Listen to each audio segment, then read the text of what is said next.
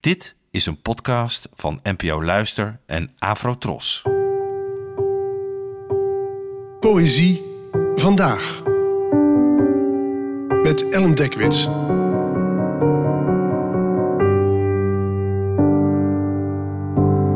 Hallo, fijn dat je luistert. Het gedicht van vandaag heet Het eerste gezicht van de wereld en werd geschreven door de Indonesische dichter W.S. Rendra, geboren in 1935 en gestorven in 2009. Het werd vertaald door Michael R. Birch en door mij. Het eerste gezicht van de wereld. Verlicht door de bleke maneschijn tilt de bruidegom zijn bruid de heuvel op. Beide zijn naakt, beide bestaan uit niets anders dan zichzelf. Zoals met alle beginnen is de wereld naakt, leeg, vrij van bedrog, donker, door onuitgesproken verklaringen, een stilte die zich uitstrekt tot de grenzen van de tijd. Dan komt het licht, het leven, de dieren en de mensen. Zoals met alle beginnen is alles naakt, leeg, open. Ze zijn allebei jong, maar beide hebben al een lange weg afgelegd, door de illusies van schitterende dageraden, door lucht verlicht met hoop, van rivieren die klateren van tevredenheid. Ze hebben de warmte van de zon ervaren, doorweekt van elkaars zweet. Hier, staande bij kale riffen, kijken ze hoe de avond valt, vreemde dromen brengt, naar een bed versierd met schitterende koraalkettingen.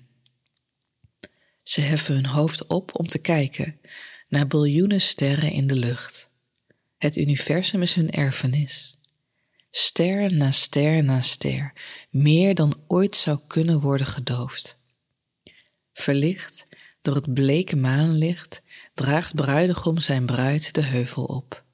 Beide naakt, om het eerste gezicht van de wereld na te bootsen. Ja, er zijn drie grote levensgebeurtenissen naast uiteraard Sinterklaas, waar altijd poëzie mee gemoeid is. Waar altijd poëzie mee gemoeid is. De eerste is geboorte. Ik bedoel, op hoeveel geboortekaartjes worden er wel geen regels vermeld uit mooie gedichten? De andere is de dood.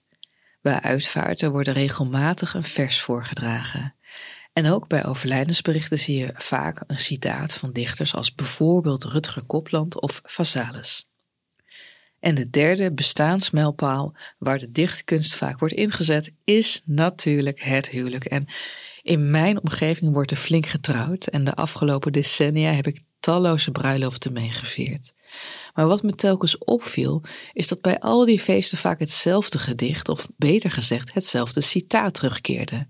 Dat uit de Bijbel, uit de brief aan de Corinthiërs, met die bekende regels als: De liefde is geduldig, zij is vriendelijk, de liefde is niet jaloers, de liefde pronkt niet. Ik heb ze al zo vaak gehoord dat ik ze inmiddels kan meeplibbekken en daar is natuurlijk niks mis mee, maar ik wou bij deze je aandacht eens vestigen op een ander bruiloftsgedicht, dat van de Indonesische dichter W.S. Rendra. Hier ligt niet meer de nadruk op wat liefde is of wat liefde zou moeten zijn, nee, hier wordt een ontroerend moment geschetst. Een bruidegom tilt zijn bruid de heuvel op. Beiden zijn naakt en, zo beschrijft de dichter prachtig, bestaan uit niets anders meer dan zichzelf. Langzamerhand ontstaat samen met dit huwelijk ook de hele schepping weer opnieuw. Alles is weer een begin. Ze erven het universum en trekken dan door naar hun huwelijksbed om nieuw leven te scheppen. Om net als alle bruidsparen voor hen weer het gezicht van de wereld opnieuw te scheppen en zo weer door te geven. Bedankt voor het luisteren en tot de volgende keer. Afro Tros, de omroep voor ons.